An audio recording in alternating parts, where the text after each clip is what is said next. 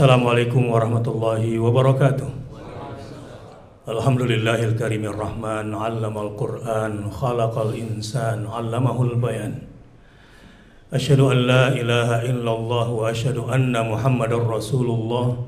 Allahumma fasalli wa sallim wa barik ala nabiyyina wa habibina wa syafi'ina wa qaidina wa mulana Muhammadin sallallahu alaihi wasallam wa ala alihi wa sahbihi wa sallim.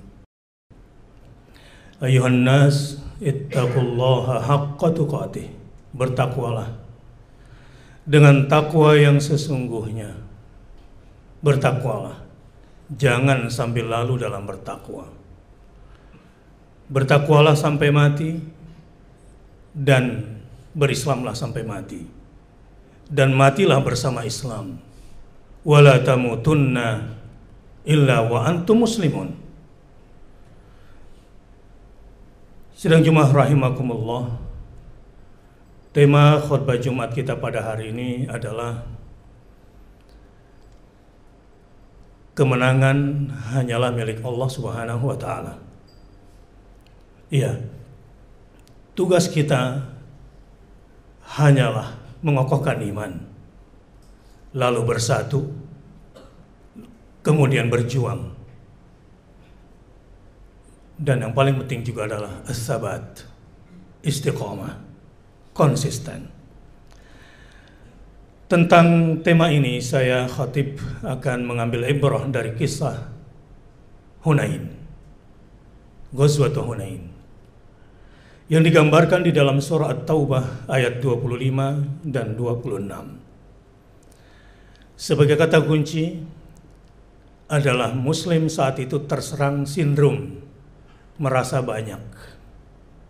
Terserang tergerogoti penyakit ujub bahwa dia kuat karena banyak. A'udzu billahi minasyaitonir rajim. Laqad nasarakumullahu fi mawatin katsirah wa yawma Hunain. Dan sesungguhnya Allah telah menolong kamu di banyak medan tempur ketika kamu berperang, termasuk di perang Hunain. Allah juga tolong kamu. Namun ada catatan terhadap kamu di perang Hunain. Perang Hunain adalah perang yang terjadi setelah Fathu Makkah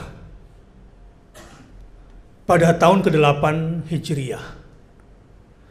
Umat Islam saat itu sedang euforia karena baru saja menguasai Mekah. Dan dakwah saat itu sedang marak-maraknya dakwah, tapi terpukul kalah. Kondisi umat Islam pada saat itu merasa sudah di atas angin karena jumlah mereka 12.000 pasukannya dan sudah menguasai kota Makkah. Sampai ada di kalangan, mereka yang berkata, "Lan naglibal yawma bil kasrah." Kita tidak mungkin bisa dikalahkan karena kita banyak. Saat itulah Allah kemudian menarik ridhonya dan meninggalkan umat Islam sendirian berjalan.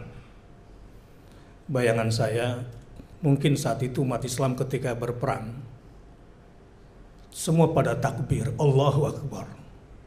Tapi ada penyakit di dalam hatinya. Wa yawma hunainin id a'jabatkum kasratukum falam tughni ankum syai'a. Pada perang Hunain kamu terserang penyakit, terserang sindrom merasa banyak. Padahal banyaknya kamu tidak ada gunanya. Tidak ada berguna, tidak berguna sama sekali jumlahmu itu. Bayangkan ini baru saja menguasai Mekah. Dan yang dihadapi cuma dua suku. Dua suku ini paling dengki, paling benci 24 jam siang malam memikirkan bagaimana cara mengalahkan Muhammad SAW dan agar Islam tidak menyebar, agar Islam tidak menyebar, agar Islam tidak menyebar, agar Islam tidak menyebar. Itu yang ada di benak dua suku Hawazin dan Saqif. Peperangan ini terjadi di antara Mekah dan Taif di sebuah lembah yang bernama Hunain, di sebuah lembah.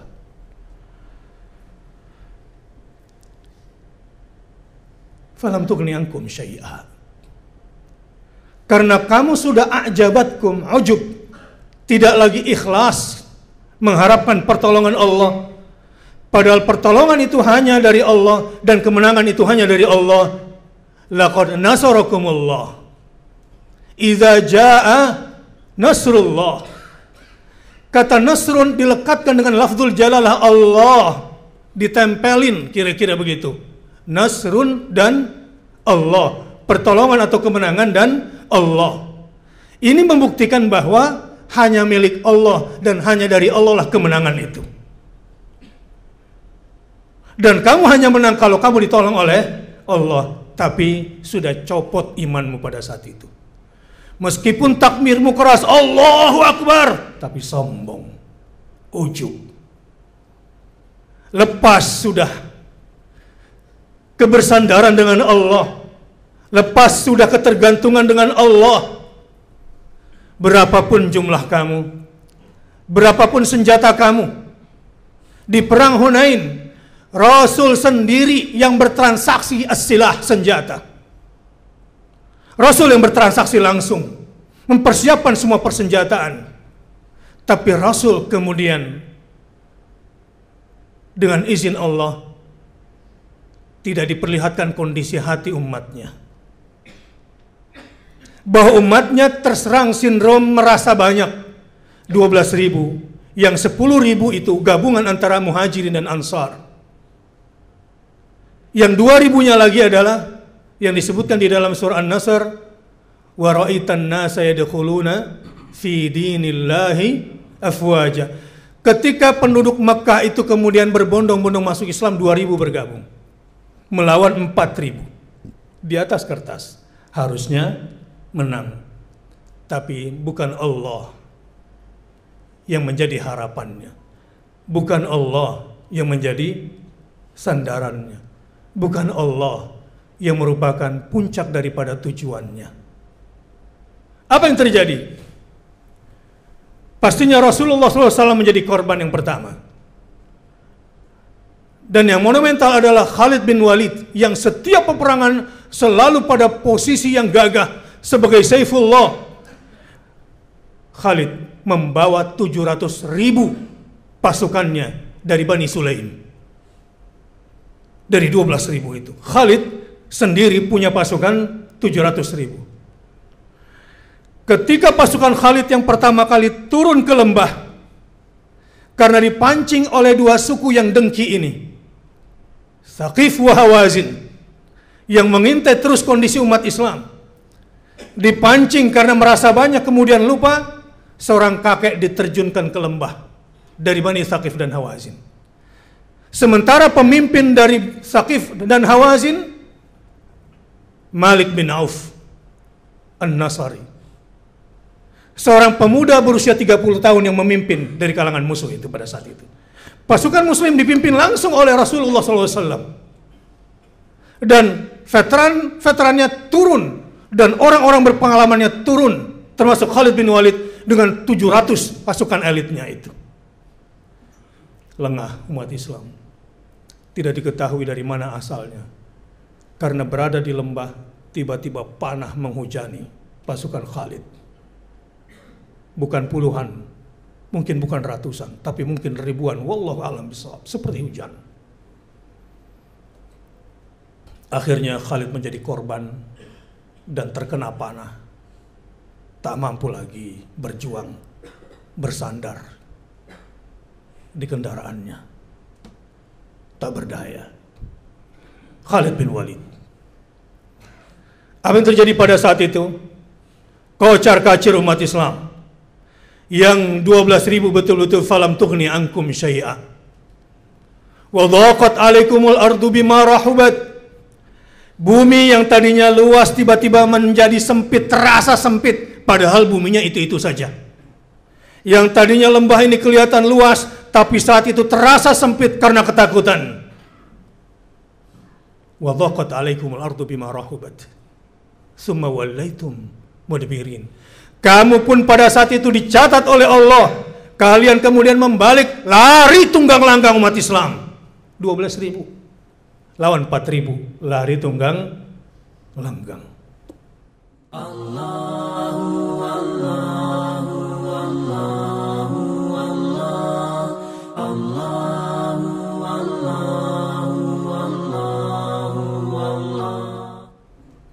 Kenapa? Kenapa? Allah tidak ada lagi di benaknya.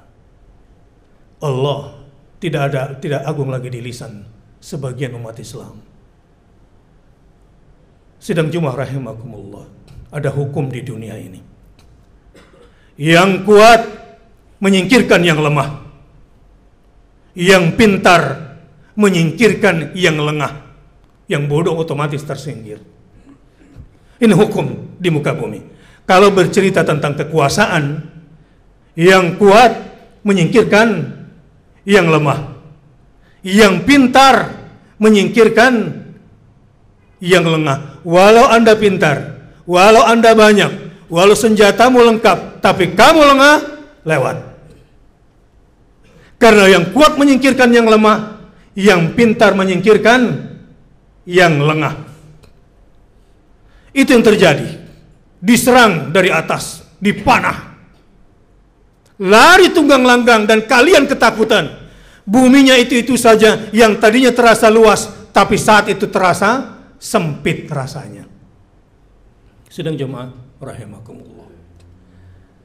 Ini sekilas peristiwa Hunain. Summa wallaitum mudbirin. Tapi untunglah di situ ada Rasulullah sallallahu alaihi wasallam yang bersih keyakinannya, yang bersih imannya, kalau ada di antara kita yang yakin akan ada yang bisa mendatangkan bahaya bersama Allah, sudah musyrik kita. Saudara-saudara, sedang Jumat rahimakumullah. Hikmah dari perang Hunain yang ingin khatib tekankan adalah bahwa Inna akhwafu ma akhafu ala ummati Rasul SAW bersabda yang paling aku takutkan dari umatku bukan syirik besar atau syirik yang nampak. Umat Islam saat ini mungkin tidak kelihatan lagi bahwa sesajen menyembah pohon tua, batu, sumur. Mungkin di sebagian kecil saja. Tapi boleh jadi di dalam hati kita ini ada berhala-berhala kecil yang kita sembah tapi kita merasa beragama. Pada hakikatnya kita sudah menyembah uang. Kita merasa beragama, padahal kita sudah menyembah jabatan. Kita merasa sudah haji, sudah umroh, sudah beribadah, sudah khusyuk, padahal menyembah dunia, padahal menyembah keluarga, menyembah anak, menyembah bapak, menyembah istri, menyembah semua yang kita sembah di dunia ini. Sebagaimana ada 360 lebih patung di sekeliling Ka'bah yang saat itu orang-orang Quraisy mengira kalau dirinya sedang beribadah kepada Tuhan di hadapan Ka'bah padahal antara dia dengan Ka'bah ada berhala yang dia sembah. Kalau ada di antara kita yang merasa ada yang lain dia kita yakini dia bisa mendatangkan manfaat bersama Allah, musyrik kita. Ada yang lain bersama Allah bisa membahayakan kita, musyrik kita. Ada yang lain bersama Allah bisa memuliakan kita, musyrik kita. Ada yang lain bersama Allah bisa menghinakan kita, musyrik kita. Karena huwal, huwal muhyi, huwal mumit. Yang maha menghidupkan cuma Allah, yang maha mematikan cuma Allah. Kalau ada di antara kita yang yakin di sana ada yang bisa membunuh kita selain Allah, musyrik kita. Kalau ada yang lain di sana kita yakini bisa menjaga kehidupan kita bersama Allah, musyrik kita. Huwal muhyi huwal mumit. Huwal hayyu huwal qayyum. Huwal dhar huwal nafi' huwal mu'izzu huwal mudhillu. Kira-kira sampai di sini. Sedang Jumat coba periksa di hati masing-masing. Ada nggak berhala-berhala itu kalau berhala itu ada di dalam hatimu percayalah Islam Islam tidak akan bangkit dengan orang-orang seperti itu. Meskipun takbirnya keras. Islam tidak akan izzah, tidak akan mulia bersama orang-orang yang masih banyak kemusyrikan, asyirkul khafi di dalam jiwanya. Islam tidak akan bangkit. Islam tidak akan jaya. Islam tidak akan bersatu. Sedang Jumat rahimakumullah. Apa yang terjadi setelah itu? Summa anzalallahu sakinatahu ala rasulihi wa alal mu'minin wa anzala junudan lam tarawha wa adzaba alladhina kafaru wa kadzalika jazaa'ul kafirin. Ketika perang berkecamuk dan umat Islam mulai lari tunggang langgang, Rasul SAW panggil Al-Abbas orang tua. Iya, pamannya. Abbas teriakan kepada veteran-veteran Baitur Ridwan. Orang-orang yang pernah bersumpah berbaiat janji di bawah pohon Ridwan ketika Sulhul Hudaybiyah. Apa yang terjadi? Abbas berteriak dan konon dikisahkan enggak sampai 100 orang atau sekitar 100 orang berbalik. Yang 12 ribu, yang berbalik cuma 100 orang. Walaupun orang-orang Hunain, Bani Thaqif dan Bani Hawazin total war, perang total melawan Rasulullah SAW. Dia bawa ternaknya, dia bawa emasnya, dia bawa anak-anaknya, dia bawa perempuan-perempuannya, dia bawa semua yang dia miliki. Ini demi total war, perang total katanya. Karena untuk itu mereka berperang. Hamiyah jahiliyah, bukan Tuhannya. Tapi karena pada umat Islam pun terserang sindrom asyirkul khafi id a'jabatkum ujub kasratukum. Kamu terserang penyakit ujub bangga diri karena banyak maka kafir pun menang. Pada awalnya. Namun ketika Abbas teriakan kepada segelintir umat Islam yang kembali dan berpegang dengan keimanannya dengan ketakwaannya dengan tauhidnya yang murni maka meskipun takbirnya tidak terlalu keras tapi keluar dari jiwa yang bersih yang yakin huwal muhyi wal mumit. Cuma Allah yang maha menghidupkan dan mematikan Huwal hayyul qayyum. Cuma dia yang maha hidup dan terus mengurusi hambanya tanpa lelah. Huwal mu'izzul mudhillu. Cuma Allah yang maha memuliakan dan maha merendahkan. Ketika itu yang ada di dalam jiwa mereka dan mereka mengatakan cuma Allah yang bisa mendatangkan bahaya dan manfaat. Al-hujum. Kembali serangan balik terpukul mereka semua. Sidang Jumat rahimakumullah. Di mana rahasianya? Kenapa kemudian bisa balik menyerang? Anzalallahu sakinatahu. Pertolongan pertama yang Allah turunkan kepada orang beriman setelah mereka kembali bersandar kepada Allah, memurnikan tauhidnya kepada Allah adalah diturunkanlah ke dalam jiwa mereka malaikat-malaikat as-sakinah yang menenangkan jiwa mereka sehingga terbebas dari rasa takut. As-sakinah. Anzalallahu sakinatahu. Kepada siapa? Tidak kepada semuanya. Kepada mereka yang bersih tauhidnya. Ala rasulihi wa alal mu'minin. Kepada rasulnya dan kepada orang-orang yang beriman. Karena mereka membuktikan keimanannya dengan bertawakal hanya kepada Allah dengan tidak menjadikan senjata sebagai hak sebagai Tuhan, tetapi semua karena Allah Subhanahu wa taala. Tugas kita cuma berjuang karena kemenangan milik Allah Subhanahu wa taala. Tugas kita cuma berniat, yang menyempurnakan adalah Allah Subhanahu wa taala. Tugas kita adalah bersatu, biar Allah yang selesaikan semuanya. Sadaqallahu wa'dah wa nasara 'abdah wa hazamal ahzaba wahdah. Allah tidak butuh bantuan kita pada hakikatnya. Maka ketika itu ada di dalam jiwa umat Islam, datang pertolongan Allah yang kedua. Yang pertama as-sakinah, yang kedua adalah apa? Wa anzala junudan lam tarawha. Allah kirimkan setelah itu pasukan-pasukan yang tidak terlihat. Lihat di ayat ini ada yang menarik. A'jabatkum kasratukum wa anzala junudan lam tarawha. Sebagai pengganti bahwa tidak ada gunanya banyak yang Allah turunkan adalah pasukan yang tidak kamu lihat dengan mata kamu, dengan mata biologis kamu. Karena orang-orang beriman hanya yakin pada pertolongan Allah Subhanahu wa taala, iman bil ghaibnya sempurna bahwa Allah Subhanahu wa taala tidak akan pernah terkalahkan huwal aziz. Huwal aziz. Allah itu selalu menang dan tidak akan pernah terkalahkan.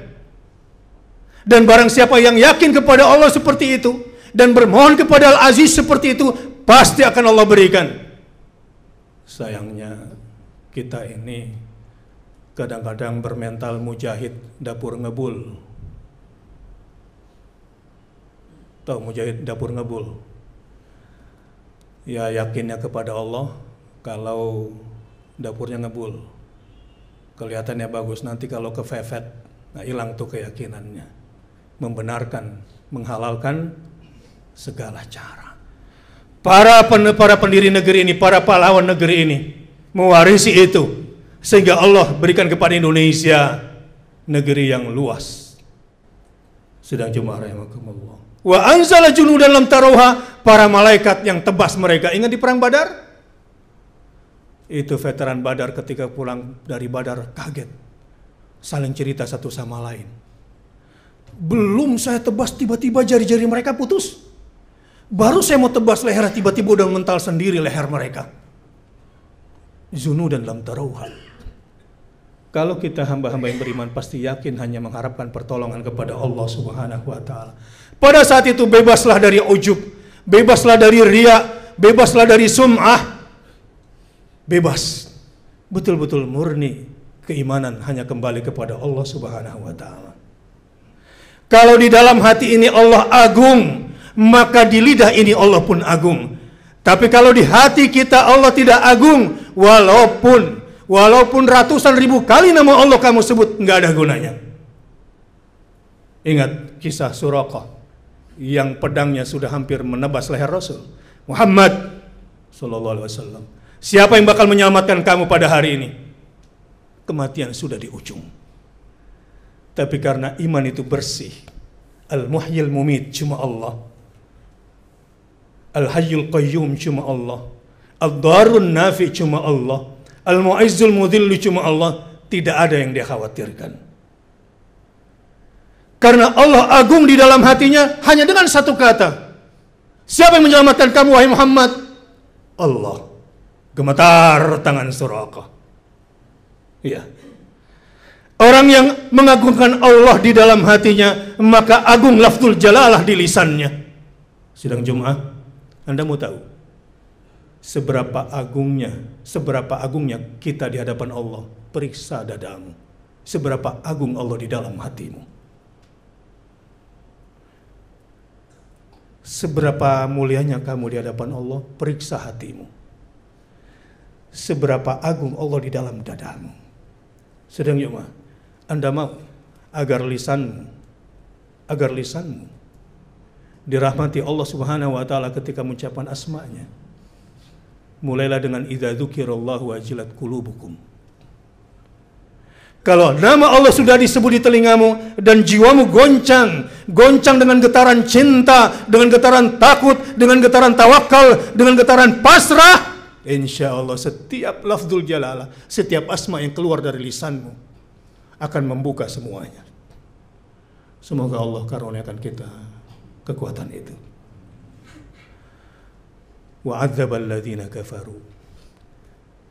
Allah sendiri yang akan akhirnya mengazab orang-orang yang kafir. Wa jazaul kafirin.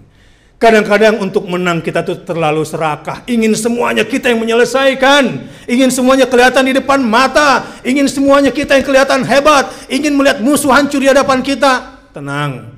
Wa kafaru. Orang-orang yang kafir itu urusan Allah bagaimana cara menyiksanya. Wa kadzalika jazaul kafirin. Jangan terlalu mendahului Allah Subhanahu wa taala. Kadang-kadang kita ingin berbuat baik tapi hawa nafsu yang muncul bisa syirkul khafi lagi. Semoga Ibrahim ini bisa jadi manfaat buat kita semua. Barakallahu li wa lakum fil Qur'anil Karim wa nafa'ani wa iyyakum bima fihi minal ayat wa dzikril hakim wa taqabbala minni wa minkum tilawatahu innahu huwal ghafurur rahim. Alhamdulillahi wa kafa Wassalatu wassalamu ala nabiyil mustafa Wa ala alihi wa sahbihi wa man tabi'ahu ila yawmil wafa. Asyhadu an la ilaha illallah Asyhadu anna muhammadar rasulullah. Ayuhan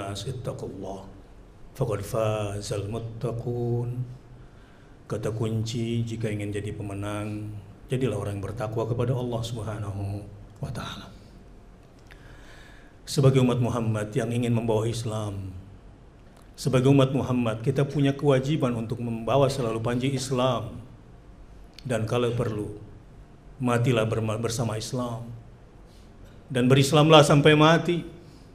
Tidak ada yang membuat kita mulia sebagai seorang muslim, kata Umar bin Khattab. Nahnu qawmun a'azzanallahu bil Islam.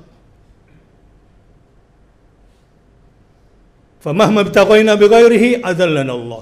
Kita ini kaum umat yang sudah Allah muliakan lewat Islam. Kalau kamu cari kemuliaan lain dengan menyudut-nyudutkan Islam, kamu akan dihinakan oleh Allah Subhanahu wa taala. Hiduplah bersama Islam dan matilah berislam bersama Islam. Dan berislamlah sampai mati. Dengan cara ittiba li sunnati nabiyyina Muhammadin sallallahu alaihi wasallam. Ittiba kepada Nabi wasallam, ikuti syariatnya, ikuti syariatnya jauhi hawa nafsu dalam beribadah, jauhi bid'ah dalam beribadah. Ikutilah syariat Muhammad SAW dan jangan lupa perbanyak salawat kepadanya. Inna Allah wa malaikatahu yusalluna ala nabi. Inna Allah wa malaikatahu yusalluna ala nabi.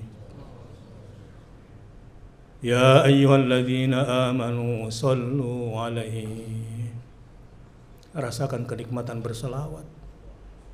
Dapatkan indahnya dan nikmatnya berselawat.